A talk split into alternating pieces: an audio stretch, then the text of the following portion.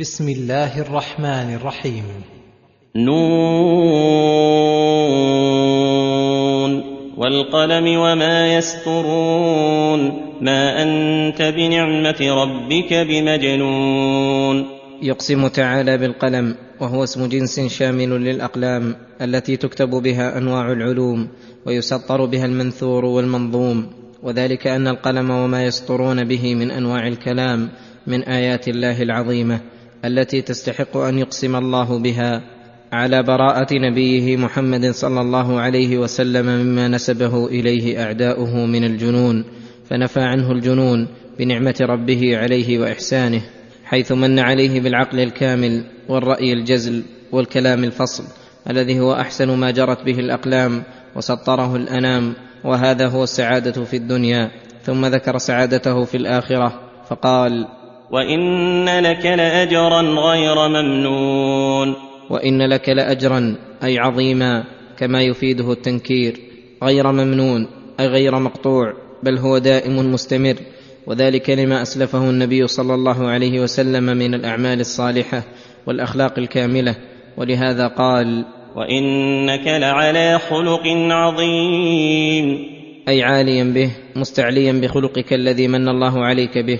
وحاصل خلقه العظيم ما فسرته به أم المؤمنين عائشة رضي الله عنها لمن سألها عنه فقالت كان خلقه القرآن وذلك نحو قوله تعالى له خذ العفو وأمر بالعرف وأعرض عن الجاهلين فبما رحمة من الله لنت لهم لقد جاءكم رسول من أنفسكم عزيز عليه ما عنتم حريص عليكم بالمؤمنين رؤوف رحيم. وما أشبه ذلك من الآيات الدالات على اتصافه صلى الله عليه وسلم بمكارم الأخلاق والآيات الحاثات على الخلق العظيم. فكان له منها أكملها وأجلها.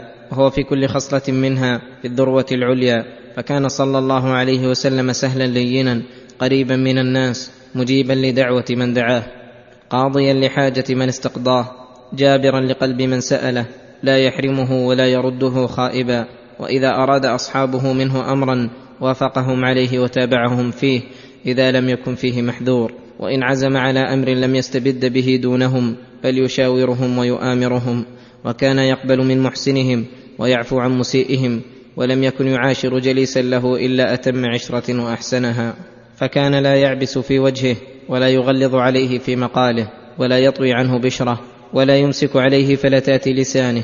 ولا يؤاخذه بما يصدر عنه من جفوة بل يحسن إلى عشيره غاية الإحسان ويحتمله غاية الاحتمال صلى الله عليه وسلم.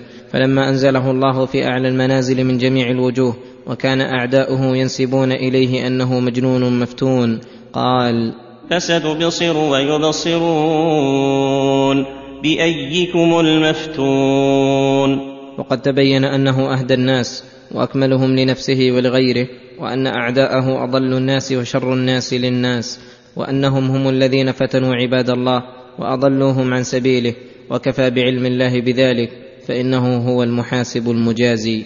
إن ربك هو أعلم بمن ضل عن سبيله وهو أعلم بالمهتدين. وهذا فيه تهديد للضالين ووعد للمهتدين وبيان لحكمة الله حيث كان يهدي من يصلح للهداية دون غيره. فلا تطع المكذبين. يقول الله تعالى لنبيه صلى الله عليه وسلم فلا تطع المكذبين. الذين كذبوك وعاندوا بالحق فإنهم ليسوا أهلا لأن يطاعوا لأنهم لا يأمرون إلا بما يوافق أهواءهم وهم لا يريدون إلا الباطل فالمطيع لهم مقدم على ما يضره وهذا عام في كل مكذب.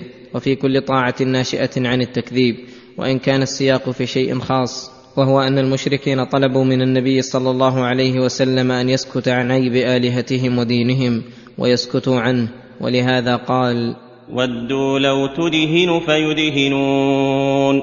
ودوا أي المشركون لو تدهن أي توافقهم على بعض ما هم عليه إما بالقول أو بالفعل أو بالسكوت عما يتعين الكلام فيه. فيدهنون. ولكن اصدع بأمر الله وأظهر دين الإسلام فإن تمام إظهاره بنقض ما يضاده وعيب ما يناقضه. ولا تطع كل حلاف مهين. ولا تطع كل حلاف أي كثير الحلف فإنه لا يكون كذلك إلا وهو كذاب ولا يكون كذابا إلا وهو مهين.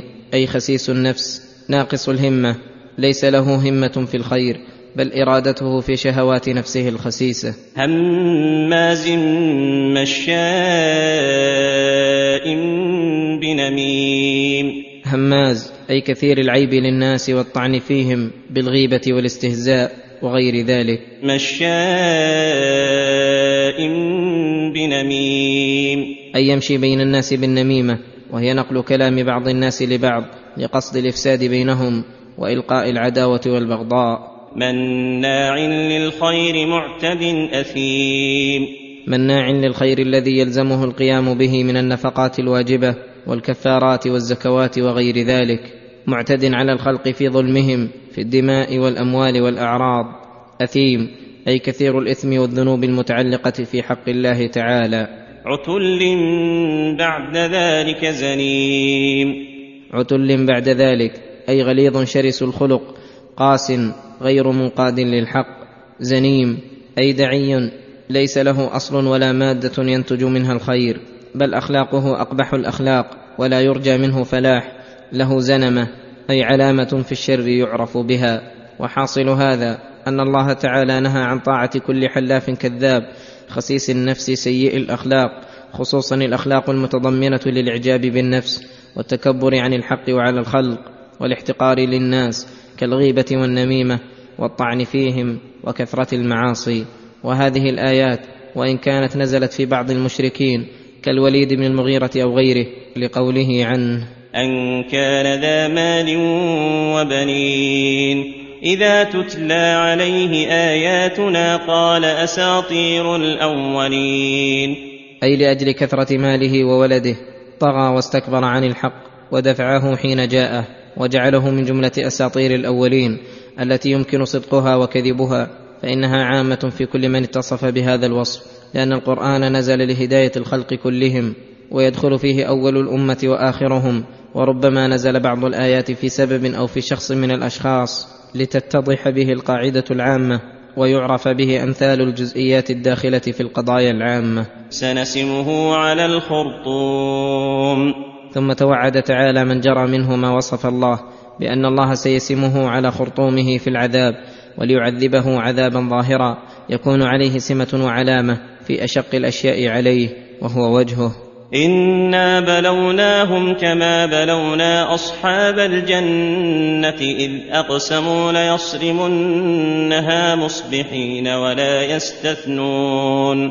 يقول تعالى انا بلونا هؤلاء المكذبين بالخير وامهلناهم وامددناهم بما شئنا من مال وولد وطول عمر ونحو ذلك مما يوافق اهواءهم لا لكرامتهم علينا بل ربما يكون استدراجا لهم من حيث لا يشعرون فاغترارهم بذلك نظير اغترار اصحاب الجنه الذين هم فيها شركاء حين زهت ثمارها واينعت اشجارها وان وقت صرامها وجزموا انها في ايديهم وطوع امرهم وأنه ليس ثم مانع يمنعهم منها ولهذا أقسموا وحلفوا من غير استثناء أنهم سيصرمونها أي يجذونها مصبحين ولم يدروا أن الله بالمرصاد وأن العذاب سيخلفهم عليها ويبادرهم إليها. فطاف عليها طائف من ربك وهم نائمون.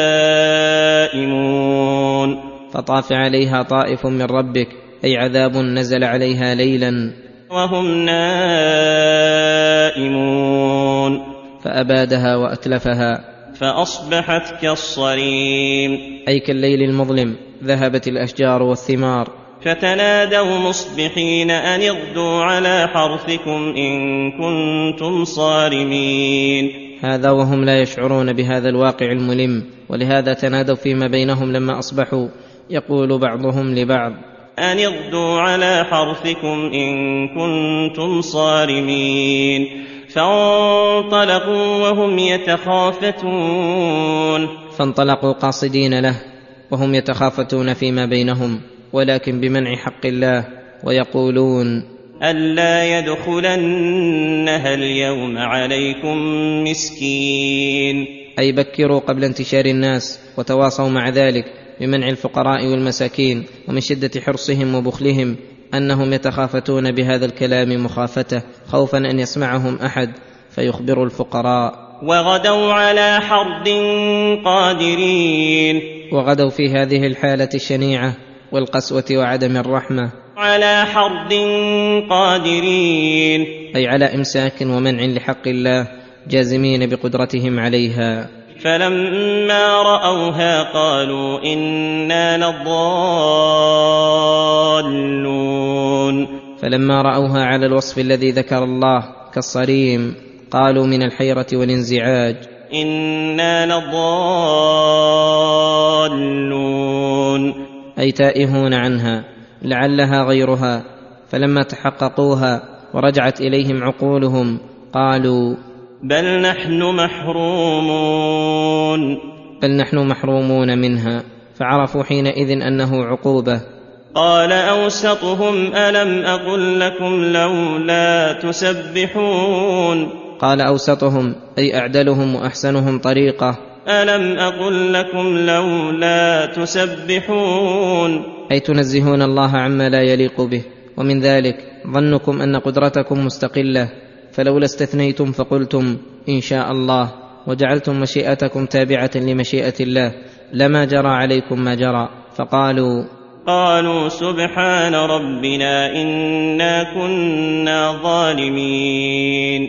اي استدركوا بعد ذلك ولكن بعدما وقع العذاب على جنتهم الذي لا يرفع ولكن لعل تسبيحهم هذا وإقرارهم على أنفسهم بالظلم ينفعهم في تخفيف الإثم ويكون توبة.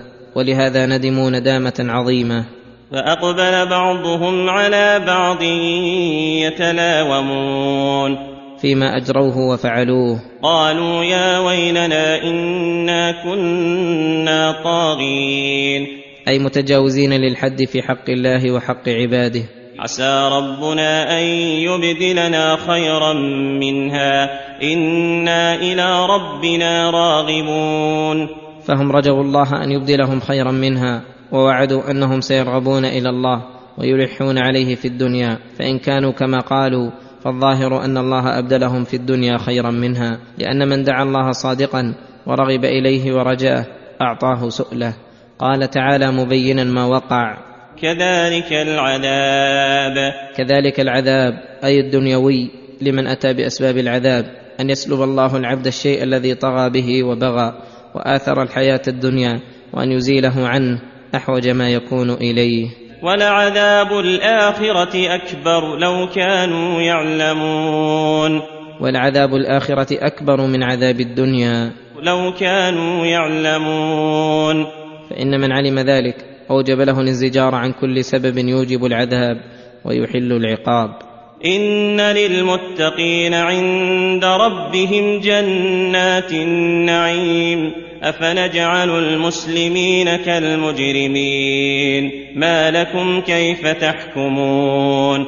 ام لكم كتاب فيه تدرسون ان لكم فيه لما تخيرون ام لكم ايمان علينا بالغه إلى يوم القيامه ان لكم لما تحكمون يخبر تعالى بما اعده للمتقين للكفر والمعاصي من أنواع النعيم والعيش السليم في جوار أكرم الأكرمين وأن حكمته تعالى لا تقتضي أن يجعل المسلمين القانتين لربهم المنقادين لأوامره المتبعين لمراضيه كالمجرمين الذين أوضعوا في معاصيه والكفر بآياته ومعاندة رسله ومحاربة أوليائه.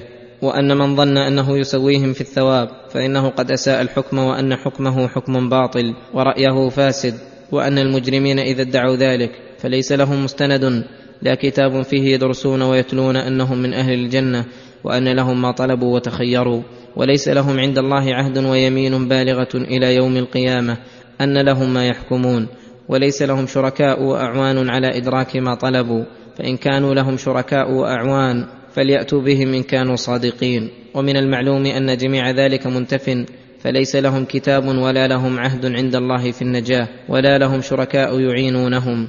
فعلم أن دعواهم باطلة فاسدة وقوله سلهم أيهم بذلك زعيم. أي أيهم الكفيل بهذه الدعوة الفاسدة فإنه لا يمكن التصدر بها ولا الزعامة فيها. أم لهم شركاء؟ فليأتوا بشركائهم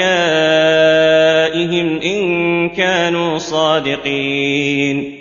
يوم يكشف عن ساق ويدعون إلى السجود فلا يستطيعون. خاشعة أبصارهم ترهقهم ذلة وقد كانوا يدعون إلى السجود وهم سالمون. أي إذا كان يوم القيامة وانكشف فيه من القلاقل والزلازل والأهوال ما لا يدخل تحت الوهم وأتى الباري لفصل القضاء بين عباده ومجازاتهم. فكشف عن ساقه الكريمة التي لا يشبهها شيء ورأى الخلائق من جلال الله وعظمته ما لا يمكن التعبير عنه. فحينئذ يدعون إلى السجود لله فيسجد المؤمنون الذين كانوا يسجدون لله طوعا واختيارا ويذهب الفجار والمنافقون ليسجدوا فلا يقدرون على السجود. وتكون ظهورهم كصياص البقر لا يستطيعون الانحناء وهذا الجزاء من جنس عملهم. فإنهم كانوا يدعون في الدنيا إلى السجود لله وتوحيده وعبادته وهم سالمون. لا علة فيهم فيستكبرون عن ذلك ويأبون. فلا تسأل يومئذ عن حالهم وسوء مآلهم فإن الله قد سخط عليهم وحقت عليهم كلمة العذاب وتقطعت أسبابهم ولم تنفعهم الندامة ولا الاعتذار يوم القيامة. ففي هذا ما يزعج القلوب عن المقام على المعاصي ويوجب التدارك مدة الإمكان. ولهذا قال تعالى فذرني ومن يكذب بهذا الحديث سنستدرجهم من حيث لا يعلمون. أي دعني والمكذبين بالقرآن العظيم فإن علي جزاءهم ولا تستعجل لهم. سنستدرجهم من حيث لا يعلمون. فنمدهم بالأموال والأولاد ونمدهم في الأرزاق والأعمال. وأملي لهم إن كيدي متين. ليغتروا ويستمروا على ما يضرهم فإن هذا من كيد الله لهم وكيد الله لأعدائه متين قوي يبلغ من ضررهم وعذابهم فوق كل مبلغ. أم تسألهم أجرا فهم من مغرم مثقلون. أي ليس لنفورهم عنك وعدم تصديقهم لما جئت به سبب يوجب لهم ذلك فإنك تعلمهم وتدعوهم إلى الله لمحض مصلحتهم من غير أن تطلبهم من أموالهم مغرما يثقل عليهم. أم عندهم الغيب فهم يكتبون؟ فهم يكتبون ما كان عندهم من الغيوب وقد وجدوا فيها أنهم على حق وأن لهم الثواب عند الله فهذا أمر ما كان.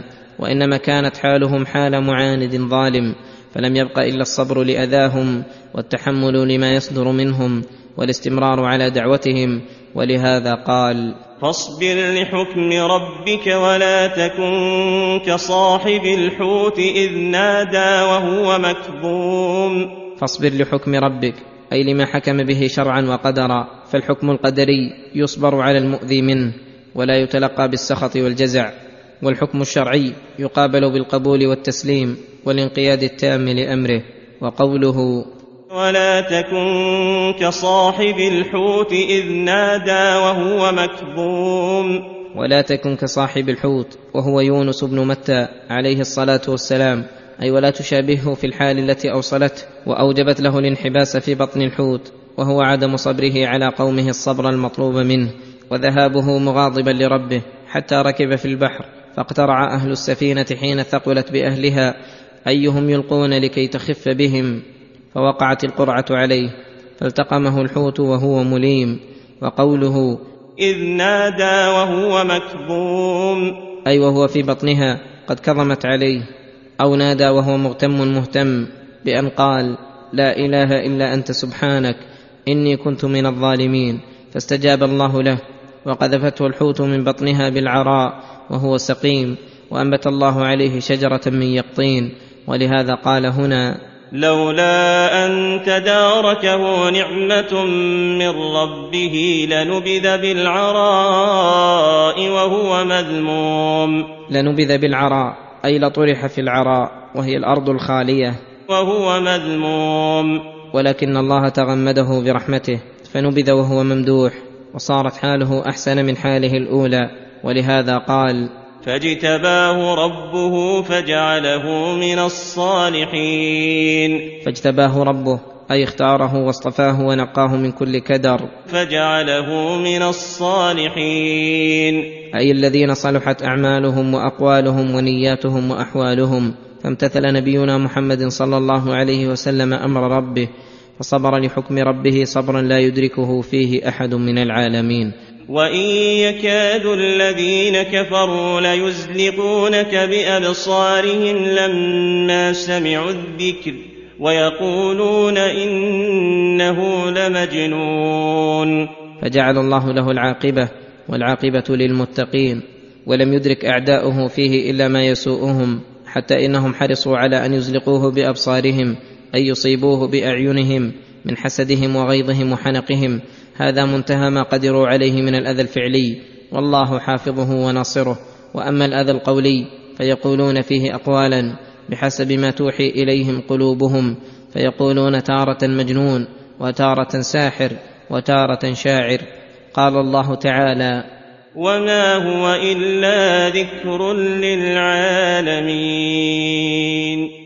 اي وما هذا القرآن الكريم والذكر الحكيم إلا ذكر للعالمين يتذكرون به مصالح دينهم ودنياهم.